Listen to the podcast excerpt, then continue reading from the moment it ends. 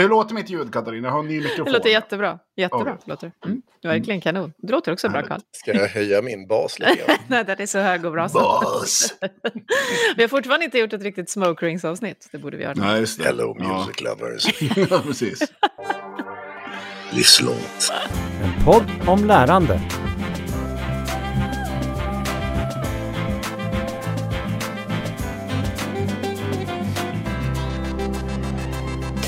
Okej. Carl Heath och Lars Lingman, mina kära medresenärer i vardagen och i den här podden. Idag fyller vi ett år! Yay! Vad känner ni för att det här är det 52 avsnittet av Livslångt? Ett år har vi kört nu. Bisarrt faktiskt. Helt eh, galet. Eh, Hur många avsnitt är det? Ja, 52 är det här. Ja, shit. Ja, det är ju faktiskt helt grymt. Rolig period faktiskt. en otrolig lyx liksom att få göra det här. Lyssna på så mycket klokt. Ja, det är väl det som är min nog första sån här tanke. Det är bara vad många coola människor med spännande tankar som vi har mött under det här året som också har påverkat mig åtminstone i många fall i hur jag tänker och ser på saker och ting. Mm. Verkligen, mig med. Det var länge sedan jag ordnade ettårskalas. Jag känner mig lite ringrostig hur man gör här. Men jag känner precis som ni att jag är lite... Jag känner väldigt stark tacksamhet. Och det är väldigt roligt. Och förstås tacksamheten för alla lyssnare som har också, förutom alla smarta gäster. Alla som har tipsat och, och hört av sig. Och det är så vansinnigt roligt. Det skulle Mm. inte bli någonting. Och vi tänkte kanske lite i, i början att det var liksom, ja, men lite, kanske lite smalare segment av intresserade. Men så har det verkar inte ha varit. Så att, ja, ett stort tack till alla våra lyssnare. Och precis som du sa Karl, jag har också haft enormt mycket glädje och nytta och förstås lärande av alla då, tidigare 51 avsnitt som vi har sänt. Vi har också spelat in några fler än det. Eh, och jag ser mönster idag på ett annat sätt än jag gjorde innan vi började eh, fått utveckla kontaktnätet, alltså mönster i frågorna kring lärande som ändå spänner över så himla vida fält. Så. Och fått så många olika smarta frågor som vi kan ta upp eh, med de här gästerna som vi har lärt oss så, så mycket. Men om vi tittar tillbaka, om vi tar någon slags memory lane, Carl, när du och jag började prata om det här, att vi borde göra det. Hur var det egentligen och hur hamnade vi här? Ja, det, det, de första samtalen jag tänker att vi hade, de sprang ju lite grann ur både ditt eh, liksom väldigt långa och gedigna arbete i public service, eh, i liksom kropp och själ och morgon, P1 och allt vad sjutton det kan vara för någonting. Eh, och mitt eh, engagemang i olika poddar, i, både i och utanför public service. Att, och också att det liksom, vi kunde se att det saknades ett samtal som eh, kretsade kring just livslångt lärande. Att det har funnits och finns ganska mycket podd som berör utbildning och lärande eller utbildning och forskning eller hur man gör eller tipspoddar och alla möjliga olika saker. Men just det här eh, eh, lite bredare greppet kring, eh, kring det livslånga. Det såg vi inte riktigt en naturlig aktör för. Så för min del så upplevde jag att det var ett sätt att försöka ge mig själv det jag själv saknade på något sätt. Jag vet inte hur du tänkte Katarina? Ja, som, som så ofta, jag tänker på så entreprenör, entreprenörer man har träffat som bara, jag kom bara på en grej som blev bättre för mig och sen, oj, det blev ett företag så. Jo, jag har också känt så och också att det är, när man pratar om sådana här typer av strukturer så blir det väldigt lätt formellt. Och det blir ganska högtravande ibland eller det blir, ja, det blir kanske på ett sätt som inte inkluderar alla. Och det var i alla fall en sån ambition som jag hade väldigt mycket, att det här måste kunna inkludera alla som har någon form av intresse för lärande. Och är man dessutom en, av övertygelsen att lärande tillhör dig själv och att det därför behöver finnas mycket på plats runt dig för att det ska ske, då blir ju det här samtalet jätteviktigt. Eh, Du då Lars, som, som vi onboardade snabbt så att vi kunde Ja, börja precis. tillsammans alla tre. Hur, hur, kom, hur kom jag in i det här? Jag minns, Ja, men- Vad hade jag för vinkel på det här? Aldrig poddat förut typ. Jag har blivit Nej. intervjuad i några poddar har det varit i och för sig, men aldrig poddat. Och ska jag berätta en hemlighet? Han gör det för alla. Jag lyssnar ju knappt på podd heller. men men jag har blivit, det är faktiskt en grej som har ökat eh, liksom, exponentiellt under det här året. Jag har ju liksom lyssnat mycket mer på podden någonsin tidigare. Så det är väl ett bra, en bra vinkel, en bra lärande jag. Nej, men alltså, jag är ju en person, jag gillar ju verkligen eh, samtal. Jag tycker väldigt mycket om att lyssna på andra människor. Eh, och så för mig så har det faktiskt, som jag sa tidigare, det här är liksom en, en lyx verkligen. Och få bara en gång i veckan ungefär få sitta ner och prata med superkloka, eh, en del nästan lite tokiga människor som hittar på superspännande grejer eh, kring lärande och utbildning som liksom har varit mitt fokus under en ganska lång tid nu. och så här. Eh, men det, det har varit jätteroligt. Vad tänker ni under det här året då, hur, eh, kanske inte bara tack för oss, men hur synen på kunskap och lärande i allmänhet i både näringsliv och offentlig sektor, i samhället i stort, hur det har utvecklats? För att vi pratar ju om att all utveckling just nu går så fort, så vad har hänt på lärandeområdet? Jag tänker att det har hänt en hel del det här året som har varit. Eh, och saker och ting som kanske har hänt lite grann under huven som inte alla riktigt eh, har sett och ser och så, men som kommer få ganska stora konsekvenser de närmsta åren. För jag kan uppleva att man ifrån både de liksom arbetsgivarorganisationerna i, i arbetet kring liksom hur vi utvecklar och förbättrar arbetsmarknaden och politiken har den här gemensamma insikten av att ett lärande måste ske hela livet så att vi skapar bättre förutsättningar för både näringsliv och offentlig sektor och faktiskt fungera på ett bra sätt i takt med teknikutvecklingens förändring. Och med sådana här saker som omställningsstudiestödet som kommer 2023 som ju har varit en stor, eh, en stor process det senaste året och, och eh, samtalen vi har kring skolan och hur den ska organiseras och så vidare. Det finns väldigt många parallella processer just kring lärandet i sig som verkligen har fått ta plats eh, i, i både det politiska rummet och, och, och eh, i, i, samtalen kring lärande. Så, så jag, är, ja, men jag är väldigt positiv till hur det senaste året har, har varit. Jag vet inte hur ni, hur ni ja, tänker. Jag tänker ju, det som man verkligen är närvarande är ju liksom hur eh, det ändå har fått, eh, alltså begreppet livslångt lärande, vilket stort plats det har fått på alla möjliga håll och kanter från forskningspropositioner till politik till enskilda samtal med människor och sådana saker. Det är som att det, en rörelse är väl ett, ett, ett tråkigt begrepp, men det, det, är som att någonting sattes igång här på något vis. Jag är inte helt klar på vad det var som gjorde att den här rörelsen kom igång, men någonting har gjort liksom. Du menar att det, inte var vi alltså? Ja, nej, det tror jag inte vi ska ta på oss. Däremot var vi väl ganska vältajmade med, med den här podden kan man säga. För intresset har ju varit stort, vilket ju känns superduperroligt. Um, men det är ju verkligen, alltså det har hamnat i ropet på något vis, detta med lärande och framförallt ett livslångt eller ett annat eh, perspektiv på det har ju verkligen ja, fått fokus. Mm. Överallt. Jag tänker på när jag hör er och det här jag sa om att man ser mönster. En, en sån sak som, apropå det du sa Karl, eh, ett sånt mönster som jag har sett är just det här att det finns någon slags, eh, inte, inte polarisering, men ett, ett spänningsfält då, låt oss kalla det det, eh, mellan ska lärande alltid ske i syfte att samhället på något sätt ska förbättras, till exempel arbetsmarknadens behov. Så. Eller är bildning en fråga för mänsklighetens överlevnad? Det kan vi komma tillbaka till snart. Vad, vad tänker ni om det? Eh, jag tänker att, eh, jag tror polarisering är ett starkt ord, men jag tänker att eh, eh, samtalet om det livslånga lärandet, beroende på varifrån det samtalet förs eh, och vad intentionen är kring själva konversationen så kommer man att, att lägga en väldigt mycket större emfas eller tonvikt på en det ena än det andra. Så i det sammanhanget som vi pratar om arbetsmarknadens behov av ny kunskap, ja, då blir det livslånga lärandet satt i relation till, mm. till det. Samtidigt som vi, när vi ser till exempel behovet av att stärka vår demokrati och öka bildningen i Sverige för att uh, skapa bättre förutsättningar för vårt land i, i det längre perspektivet, ja, då hamnar vi i de här bredare bildningsdimensionerna och sånt. Och då får andra typer av innehåll i utbildningen företräde.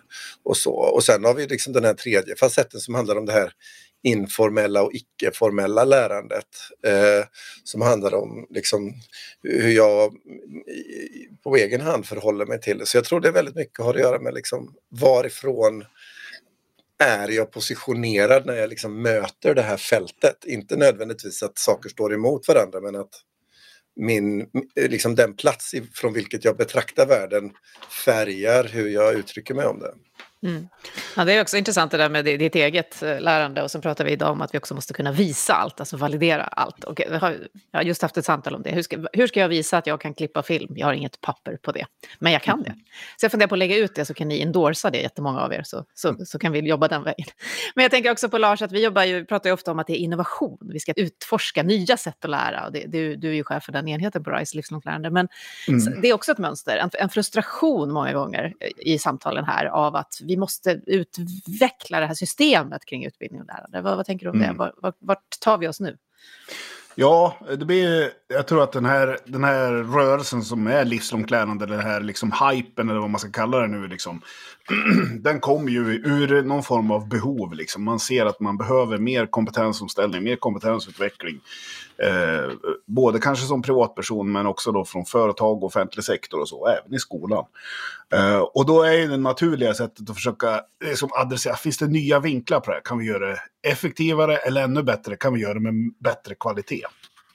Och då behöver vi ha någon form av innovativ approach eh, på det här. Liksom. Ehm, men om man ska prata lite så här, eh, inte dilemman, men spänningsfält, så har vi ju haft personer här som har jobbat jättelänge med livslångt lärande. Som ju pekar på egentligen saker som har varit kända lång tid tillbaka i tiden kring det här. Eh, och det är ju alltid intressant när eh, olika typer av man kan ju säga när gammal kunskap möts så skapas ny kunskap och därigenom innovation. Eh, och det kanske är där vi ska försöka verka för här, att olika typer av eh, kunskapsbilder och kunnande möts liksom för att skapa den här nya innovationen. För att det behövs eh, någonting nytt. Det behövs, eh, eller någonting nytt, det behöver, behöver någonting nytt som gör nytta. Som kan göra den här förflyttningen möjlig med kompetens. Mm. Mm. Och där tror jag du har lite rätt i det där valet av ordet rörelse. Om man tittar på den här gamla kända teorin diffusion curve så är vi nu på någon mm. slags majority där väldigt många mm. pratar lärande. Så att säga.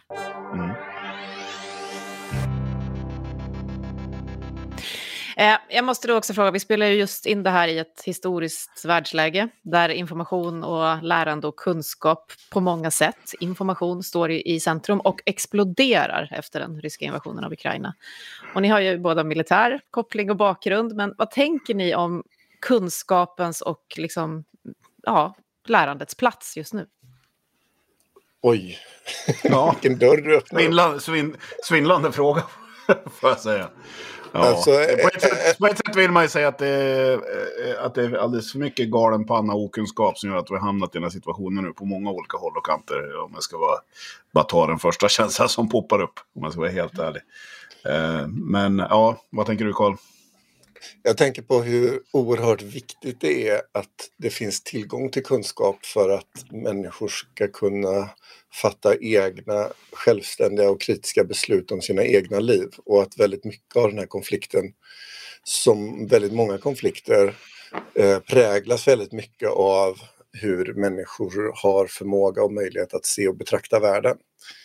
Eh, och, och där, eh, där bildningen har en absolut avgörande roll för på vilket sätt man kan ta sig an och förstå ett, ett skeende, att förstå till exempel eh, komplexitet eller att förstå vikten av källkritik. Eh, att kunna bedöma och värdera och så vidare och hur nära de hur nära liksom, våra idéer och föreställningar om ett kunskapssamhälle också är våra idéer och föreställningar om vad ett öppet samhälle är och vad ett demokratiskt samhälle är och att de inte går att, så att säga, i någon mening separera ifrån varandra. Det går inte att utveckla ett demokratiskt samtal eller demokrati utan eh, bildning och kunskap. Och bildning och kunskap i många avseenden förutsätter demokrati för den fria tillgången till information. Så ja, det är verkligen en, en svår tid för, för demokratin och bildningen i det avseendet.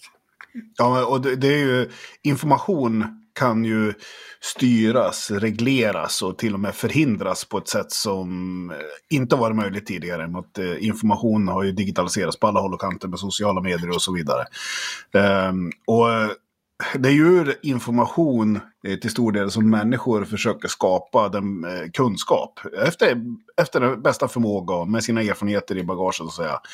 Och när den här informationen kan styras, hanteras och regleras på, eh, väldigt skickligt, då skapar ju det här kunskapsbildning som är Ja, man kan ju alltså tänka sig att man styr ju då kunskapen, kunskapen och bildningen liksom. Och inte i, i en bra riktning. Eh, Mm. Otroligt utmanande faktiskt. Och då har vi från, när vi pratar om att man står utifrån olika mm, positioner då, eller, eller Mm. angreppssätt, så har vi just den här bildningsfrågan som ju går all over, som är bortanför arbetsmarknaden, som är borta, som handlar om oss som, som värld och, och människor. Så det är nästan omöjligt att inte tänka på det just nu, eh, för oss alla tror jag. Mm. Men om vi ska gå lite till året där vi fortfarande var lyckligt ovetande om att det här skulle hända och vi spelade in en Nu hade vi en annan bedrövelse i form av corona istället. Som vi...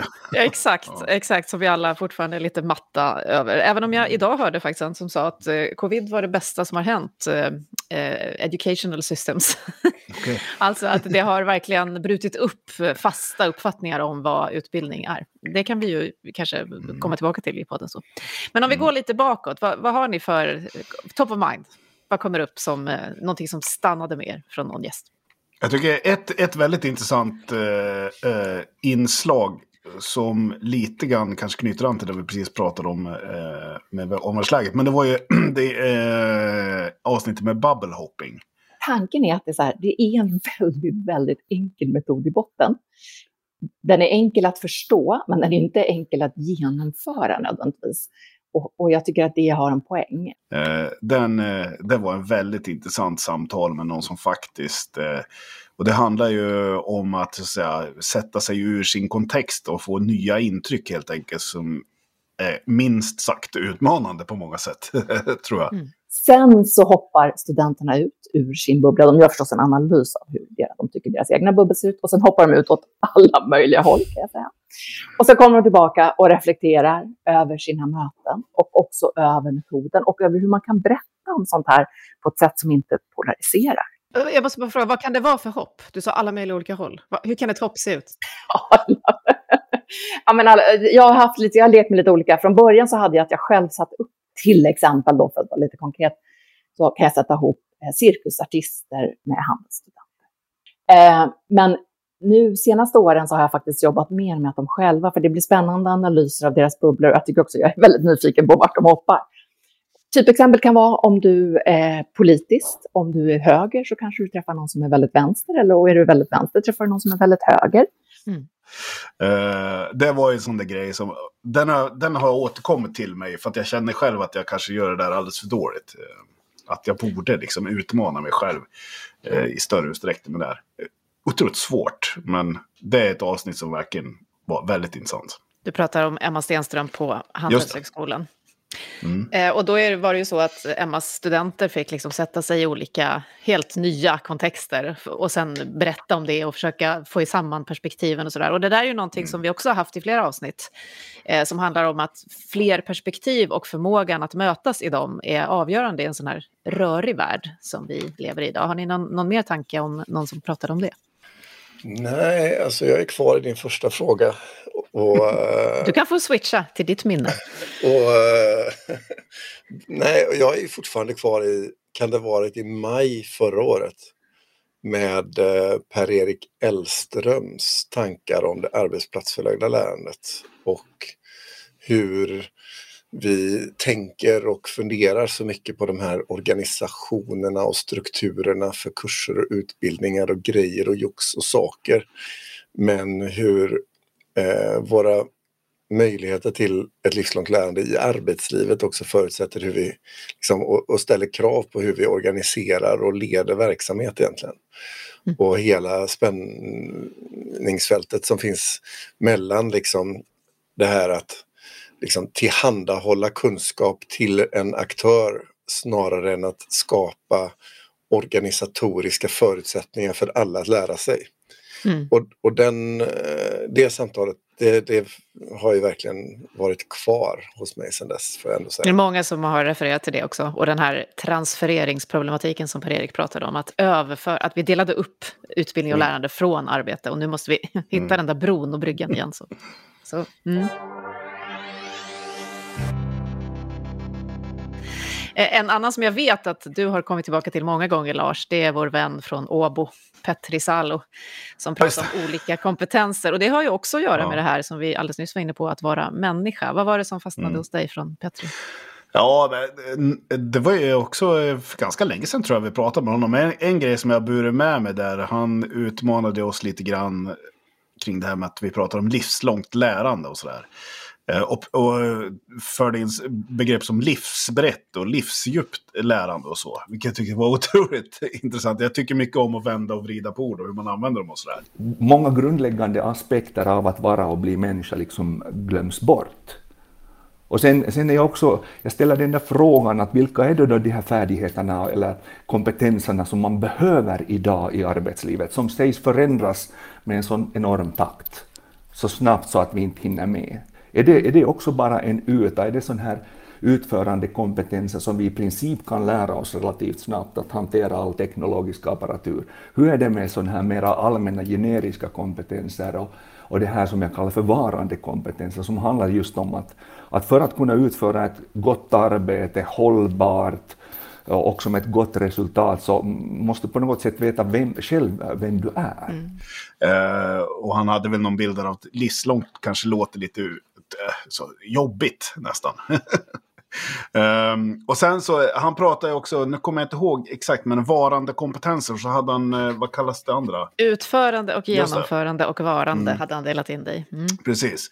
Det tycker jag också var en väldigt intressant sån här aspekt som knyter an till när jag kommer ihåg när EUs åtta nyckelkompetenser lanserades för, i början på 2000 där. Det var ju också lite tankar åt det hållet, liksom, att, det, att det finns någonting som inte bara är ämnen och så vidare. Att det finns av andra kunskaper. Eh, det var väldigt intressant faktiskt. Mm, mm. Och jag har ju pratat med Petter i andra sammanhang efteråt också, där han mm. kan ställa sådana frågor som att okej, okay, men, men du, arbetsmarknaden vill det här av mig, men är jag arbetsmarknadens robot? Eller har jag också någon slags mm. makt över mitt eget varande, mina varande kompetenser, som också mm. måste få plats? Och det, det är svåra diskussioner, så, mm. när vi ju också behöver en massa ny kompetens på arbetsmarknaden, verkligen, med brinnande akut eh, på vissa håll läger.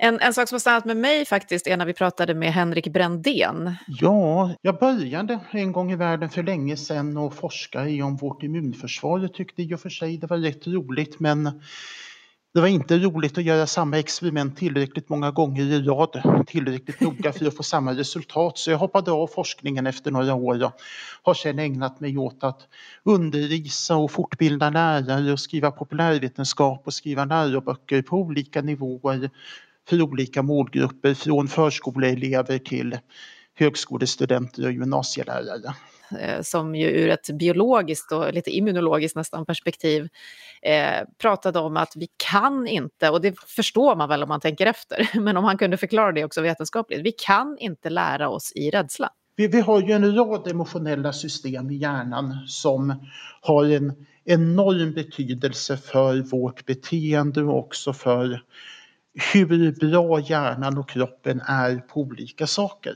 Om vi till exempel blir rädda eller stressade eller oroliga, då slår system på som fördelar om energi i kroppen, som fördelar om blod så att blodtillförseln till hjärnan stryps och så kommer det en massa blod och syre till muskler och till hjärta. Och... Mm. Så det är klart att när man är rädd och orolig, då är inte hjärnan i läge för att lära sig. Alltså om hjärnan blir skrämd så, så klipps det bandet till att lära sig saker. Mm. Och, och, jag har tänkt mycket på ja, barn jag hör som är rädda för prov, som är rädda för betygen, som är, och, och även vuxna som kanske skräms, du förlorar jobbet eller så. Vad, vad tänker ni om det? Ja, eh, ja det, det samtalet väckte väldigt många tankar eh, hos mig också kring just eh, Eh, och kanske på ett lite liksom mer abstrakt plan att, eh, att eh, liksom vi så väldigt ofta glömmer att vi faktiskt är biologiska entiteter och där det som sker i lärandet det är kemi och det är elektris elektricitet i, i en fettklump i övre delen av kroppen liksom, på något sätt. Och, och, och att det naturligtvis finns ett samband mellan eh, hur vi är i kroppen och vad den utsätts för och, hur vi lär oss. Men eh, allt ifrån eh, Eh, liksom den fysiska rörelsen till sömnen till ja, och så vidare. Och, och, och jag kan uppleva att det är, eh, alltså, Ja, jag kan tycka att vi liksom kanske förhåller oss till det på ett lite styvmoderligt sätt ofta. Att det kanske är så att eh, ja, sömn och mat och rörelse och så vidare faktiskt är så pass viktigt att vi borde liksom lyfta fram det betydligt mycket mer i, i alla möjliga sammanhang. Eh, för jag menar, någonstans så vet vi att regelbundenhet i liksom hur vi tar oss för våra liv spelar en jäkla roll och att vi är biologiska varelser påverkar lärandet. Känns, alltså det, är så, det är så självklart men att vi då inte liksom faktiskt lyssnar till oss och vad vi är när vi tar oss an detta mer än vad vi, vad vi gör. Alltså, sådana där enkla saker som att eh, gymnasieelever rimligen borde sova lite längre på, på morgonen än vad, än vad vårt system tillåter och så vidare. Det finns ju mm. mängder av exempel på där vi liksom direkt kontraproduktivt organiserar oss för lärandet. Och det mm. kan man ju verkligen ha anledning att fundera över.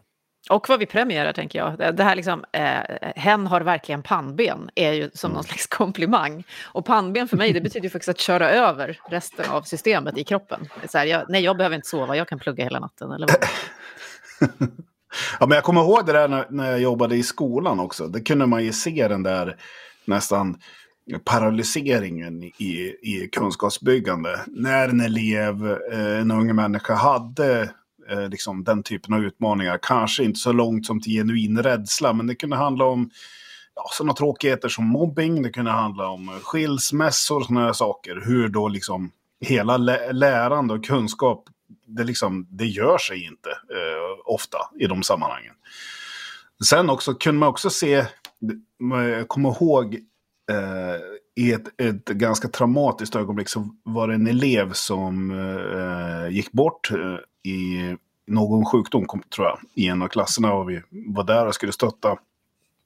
Och det kunde man tydligt se den här, det är 25 elever, eh, mm, mm, hur, vilken bredd det blir på behoven då. Från de som absolut eh, vill att det ska vara precis som det har varit tidigare, alltså att vi har lektioner, att vi kör på, att vi liksom så här, väldigt stort behov av det. Till de som liksom var, var helt liksom paralyserade och behövde samtal och liksom eh, styrning eller mer åt det hållet. Liksom. Det var ja, mycket mm. lärande kring människan där. Det ska vi inte gå för djupt in i det, men jag har också mm. pratat mm. med lärare angående mina egna barn som, som faktiskt har uttryckt sådana saker som att men vi är bara här för att bedöma eh, kunskapen och, och undervisa mm. och sådär och vi kan inte ta mm. hänsyn till faktorer runt om. Och det är ju lite mm. intressant i de här sammanhangen, att om vi inte kan lära så blir det ju omöjligt för dem. Och så.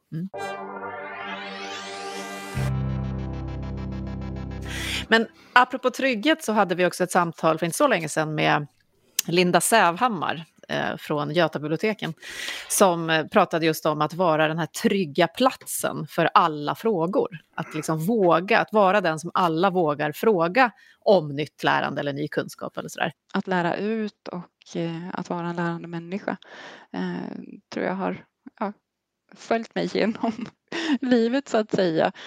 sen hade jag en eh, pratade med en kollega här nyss om det här. Varför det alltid mig som folk frågar då på jobbet om digitala saker?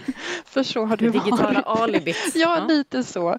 Eh, och då sa han, jag, alltså, för jag, ja, alltså, jag kan ju inte allt, men jag kan ju ta reda på det. Eh, och då sa ju han att men, du är en person som eh, ja, man vågar fråga. Att, eh, att jag har liksom det typ av angreppssätt. Får jag en fråga så eh, säger jag inte nej, utan jag säger ja men det är lite spännande, ska vi utforska tillsammans?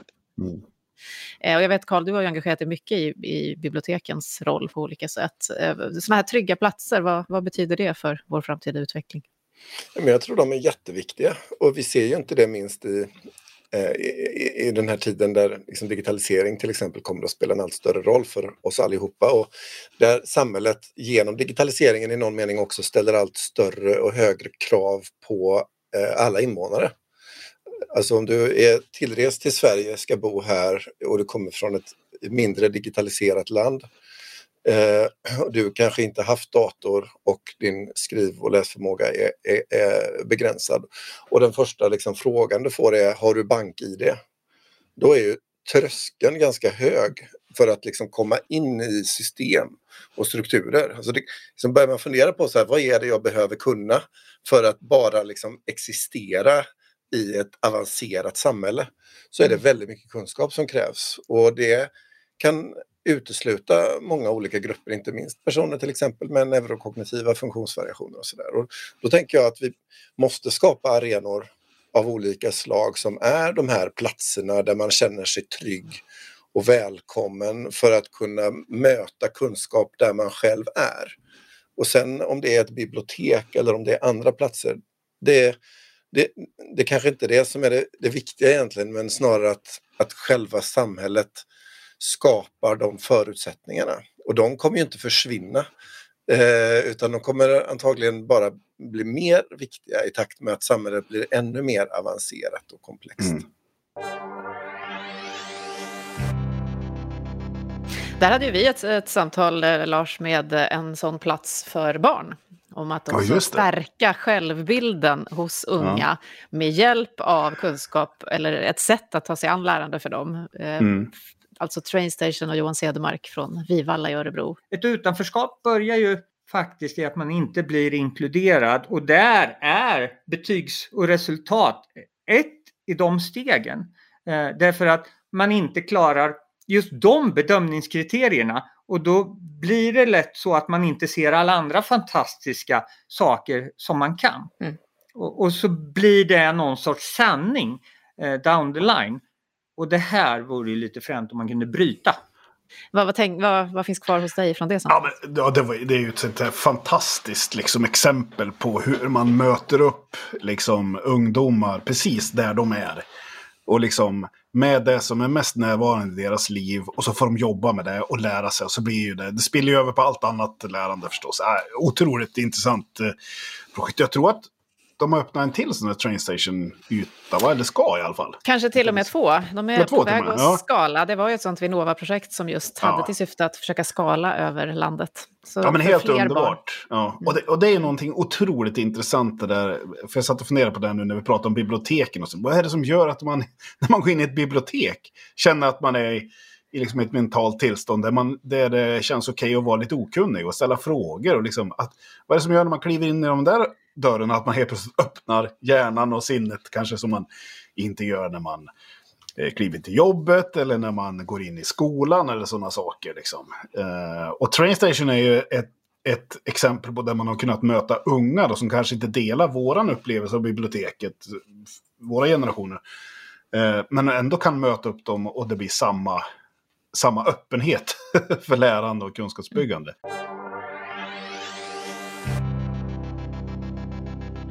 Ja, jag har ju sagt det förr, jag älskar bibliotek. Det är ju någonting som är eh, magiskt i det.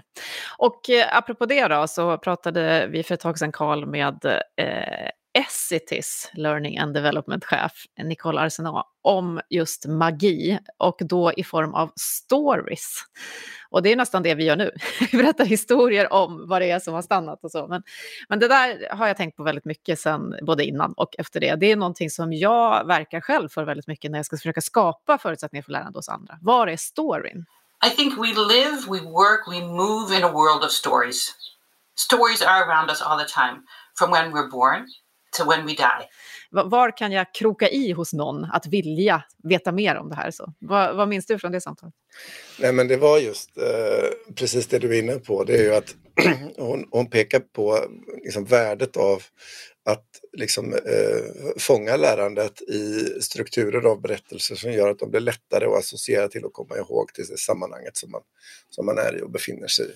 Och att vi är på något vis väldigt eh, bra på att ta till oss av en berättelse. Vi vill organisera och förstå omvärlden eh, på ett sätt som är lätt och begripligt för oss och ofta är en berättelse ett väldigt kraftfullt verktyg för oss för att skapa minnen. Och det vet man inte minst liksom bara inom så minnesträning och så minnespalats och sånt. Det är ett exempel på där man liksom skapar en eh, alldeles galen berättelse för att sen komma ihåg jättemycket. Så det finns ju massor av dimensioner till det berättande och hennes samtal tycker jag pekar väldigt mycket på liksom värdet av medvetenheten kring de här berättelserna och hur mycket roll det spelar för, för en verksamhet och om man ska lära sig tillsammans. Att man har liksom En gemensam story eller? Ja, liksom punkter Något. att förhålla sig Mm. till tillsammans. Ja. Jag fick ett eh, tips eh, för eh, många år sedan om eh, lite så här då, dåligt på att komma ihåg var jag lägger saker och ting. Då fick jag tips att man skulle sjunga var man la grejer. Just för att, och det är väl också något liknande sådana Har du gjort minnespalats. det? Ja, Har du gjort det? Ja. och lova att du spelar in det någon gång. Jag jag lägger bilnyckeln i fickan. jag stänger av strykjärnet. ja, jag har precis sjungit bilnyckeln podd nu. måste- så? Jag funderar ju på spontant, det väcker ju så väldigt många frågor om hur, hur din familj förhåller sig till detta ständiga sjungande runt omkring. Men Det det måste kan vara ju- underbart. Så leva i en musikal. Ja. Det, jag kanske borde testa det. Annars så, när det gäller just bilnyckeln så har jag av mina barn då fått en sån här liten pip-pip-bricka. För det går inte. Jag kan inte hålla reda på den. Den har räddat mig många gånger. Men vi hade också en gäst som heter Carl Heath i den här podden eftersom ni nu är inne på att eh, organisera eh, tankar och kanske också var man lägger dem och komma ihåg det. Liksom. Hur har det gått med det där att organisera din hjärna, Carl, som vi pratade om? Jo, alltså det går ju bara mer och mer. Eh, Den, eh, det fortsätter oförtrutet mitt arbete att dokumentera mina egna tankar på ett mer systematiskt sätt. Och det har jag fått ganska mycket kommentarer efter det avsnittet på folk som har gett sig på att pröva och, och så vidare. Och som jag sa i det avsnittet också så är ju liksom den stora tröskeln är ju att komma igång och att skapa en vana, precis som alla andra nya vanor är någonstans. Men, men för mig så har den vanan kommit att och fastna och inte minst nu när jag sitter och skriver till exempel vetenskapliga rapporter och sammanställningar. Att kunna ha ett arbetsflöde för att liksom samla ihop saker och ting eh, på ett sätt som gör att jag enkelt kan hämta tillbaka det igen. Eh, det, det har verkligen spelat roll, men inte minst så har jag också slagits av den senare tiden att det här att kunna liksom ha mallar för saker och ting och hur enkelt det är att liksom avlasta en kognitivt. Att kommer man in i ett möte så kan man när som helst bara dra igång och så har man en mötesmall färdig och så kan man göra väldigt snabba mö mötesanteckningar utan att behöva liksom sitta där och göra det i stunden. Och så. så det här distribuerade kognitionen som det innebär, det har, det har jag verkligen kommit att bära med mig och, och utveckla mer av. Jag har ingen aning om vart det slutar. Men det är ju roligt att se ens tankar liksom växa fram. Jag har träffat en kollega till hos oss som använder det där, men annars så har jag mig. Ni menar att det inte ser ut så här då? För lyssnaren, jag håller upp extremt kladdiga papper, lösa papper. Alltså jag jag gillar ju lösa papper. Jag, jag har ju det också. Jag har ju, och nu visar jag upp, jag har ju en sån här fantastisk penna på mitt skrivbord som är en Och sån en sån här här gammal. gammal. Med en, Fanns på en rund som man stoppar ner på, ja, på Ja, bankkontor. Precis. Den fanns på liksom, PK-banken när man fyllde i sin bankbok. Mm. Den pennan, eh, den har jag på mitt skrivbord. Ja, men när jag lyssnade på det avsnittet, det var ju, det var ju, eh, du använder ju en programvara som heter Obsidian, men du tipsade också om en annan programvara som jag inte kommer ihåg namnet på nu. Men eh, som jag, som jag faktiskt, och jag lyssnade på det avsnittet bara häromdagen. Och då tänkte jag, "Sh, där fanns en drivkraft. För det handlar om hur du höll ordning på dina matrecept. Mm. Och, då var, då var det, några- och det är sån här, apropå drivkrafter och så här, är det för, för yrkeslivet eller är det för privat? Det är en sån där ständig pågående, för jag lagar mycket mat och så här, hålla reda på vilka recept jag har lagat och så vidare. Och de finns, eh, liksom, några finns på webben och några finns i kokböcker och några finns i någon tidning och sådär. Uh, men där, där kände jag, oh, den där, den, så den, eh, den ska jag köra. Det skulle kunna vara din ingång, ditt fönster in. Precis. Som någon, någon annan gäst pratade om. Mm. Mm. Jag tänker också, vi ska inte ta för många exempel till här, men jag, jag, jag tänker på två avsnitt som kanske på ett sätt hör ihop. Och det ena var med vår kollega Björn Flintberg och Anders Pettersson som är chef för Göteborgsregionens kompetensnav ihop. Och de pratade lite om drömmen för Sverige AB och att det just handlar om det, att det är Sveriges chanser framåt och sådär, att vi måste alla gå in i den här omställningen och så. Ja, vi är ett ganska litet land, Sverige, i den globala arenan. Vi har inget annat val än att försöka hjälpas åt. Det är inte Scania mot Volvo Cars eh, och det är inte H&M mot Kappahl heller, utan det är snarare Sverige mot Spanien eller Sverige mot Indien eller vad det nu kan vara.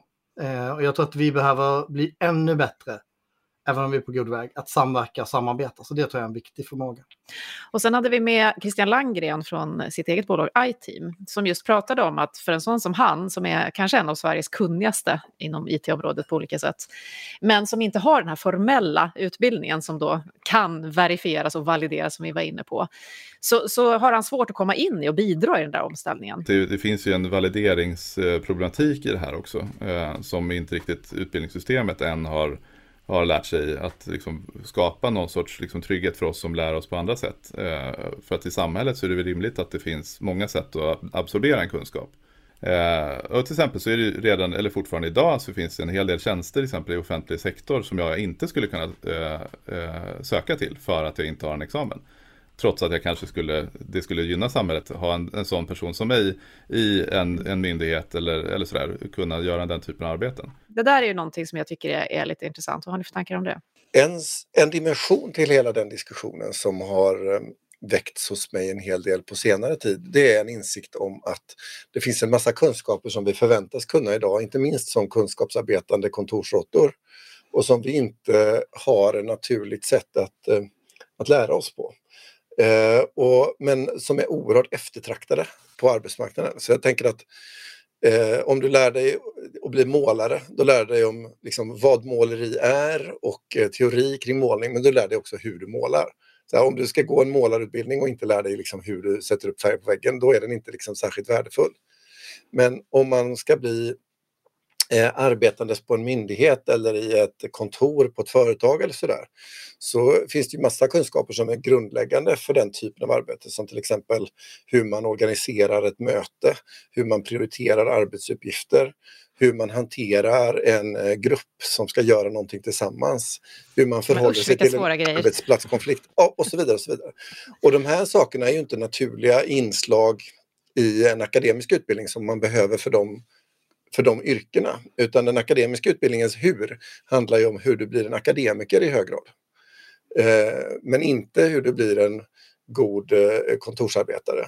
Och, och där finns det liksom ett, ett glapp mellan det formella och informella. Och där jag kan uppleva, som också har varit chef i många olika vändor och vrår, att, att den där informella kunskapen är fruktansvärt värdefull. Men den blir också svår att liksom möta i det sammanhanget på något sätt. Så ja, det finns så många dimensioner i det här fältet av att ha och inte ha och att kunna visa och inte visa som är... Här, här har min kamp mot uttrycket mjuka frågor. För att de här framgångskritiska faktorerna som du nämner nu är inte mjuka längre, om de någonsin var. Mm. Ja, jätteintressant. Eh, jag ska också bara nämna en, ett avsnitt som var Eh, som förstås, eftersom jag nu har pratat så mycket om sådana saker även här och överallt, eh, kopplat till komplexitet och hur vi behöver agera kring det. Jag fick fördelen att vara med då som styrelseordförande i den här bankgruppen på en del eh, utvecklingsprogram för, för vår ledningsgrupp och för, för vår personal. Um, och jag kunde se där hur duktiga ledarskapskonsulter inom näringslivet hade en djup förståelse för betydelsen utav inte bara det här livslånga lärandet utan den här livslånga utvecklingen, inre utvecklingen. Och hur vi kan hjälpa oss själva och varandra att hantera den här ökade komplexiteten i världen. Inte bara kognitivt utan också emotionellt. Mm. Och att den här förmågan att, att kunna härbärgera komplexitet och leda under komplexitet, att den förmågan faktiskt går att utveckla. Alltså Thomas Björkman från stiftelsen Ekskäret som ju också står bakom den här appen 29K som eh, kanske är just idag när alla sitter och mår halvdant över världens läge är någonting att kika på. Hitta ett sätt för samhällsfrågor just med perspektivmöten som vi var inne på förut och hur vi behöver hantera det. Mm. Okej, vi har en massa tankar, planer och bokningar och gäster redan klara för kommande 52 avsnitt, minst. Vad hoppas ni på för år två av Livslångt? Jag hoppas på att vi kan fortsätta ha den här mixen av att möta människor som gör och är och lever lärande på olika sätt i olika sammanhang. Kanske titta in i ett antal yrkesgrupper och kårer hade kunnat vara jättespännande och se hur går lärandet till där och så. Och sen blanda det med med eh, forskningsdimensioner och, och eh, politik inte minst. Det är ju valår i år så det får vi ju anledning att hitta någon, något sätt att förhålla oss till kan jag tänka mig. Ja, det ska bli intressant att se hur den dynamiken spelar ut sig nu. Med livslångt lärande i ropet, val på gång, viktig fråga att positionera sig i. Det ska bli väldigt intressant att se vad som händer på den eh, sidan. Men annars håller jag med dig Carl. jag ser fram emot att vi träffar en, eh, en ännu bredare kanske mix av människor. Eh, vi har ju pratat med Melodifestivalstjärnor såväl som professorer här. Så att jag hoppas att vi ska kunna köra ännu bredare kanske. I någon utsträckning. Mm. Är det något ni vill hälsa till våra lyssnare nu när ni har chansen? Ja men absolut. Och det är ju att höra av sig till oss eh, ännu mer än vad ni redan gör. Vi får ju kommentarer och feedback på alla olika sätt och det är jätteroligt. Eh, och tips och idéer på röster och bjuda in och, tankar om ämnen och feedback på, på eh, inslag och sånt. Det tycker vi är jätteroligt och skapar väldigt mycket för oss och gör podden bättre. Så det ser jag fram emot. Ja, mitt tips är väl om du har svårt att komma ihåg var du lägger saker så ska du sjunga vart du lägger dem någonstans. det är också det jag tar med mig mest från det här Och att jag fick, jag fick höra Lars sjunga i vår podd. Ja. Det var hur bra som helst. Hur bra som helst. Ha, eh, Lars Längman, Carl Heath, det är en fröjd att hänga med er i det här rummet. Stort tack mm. för all smarthet och alla reflektioner och för sällskapet. Eh, jag sa aldrig vad jag hette. Jag heter Katarina Pietschak och vi säger väl som vi brukar då. Vi hörs här om en vecka igen, alla veckor. Yes, det gör vi. Hej då. Hej då. Hallå. Du har just hört Livslångt, en podd från RISE om allt det där man lär sig i livet. Jag lägger bilnyckeln i fickan. jag stänger av strykjärnet. Vi hörs om en vecka igen.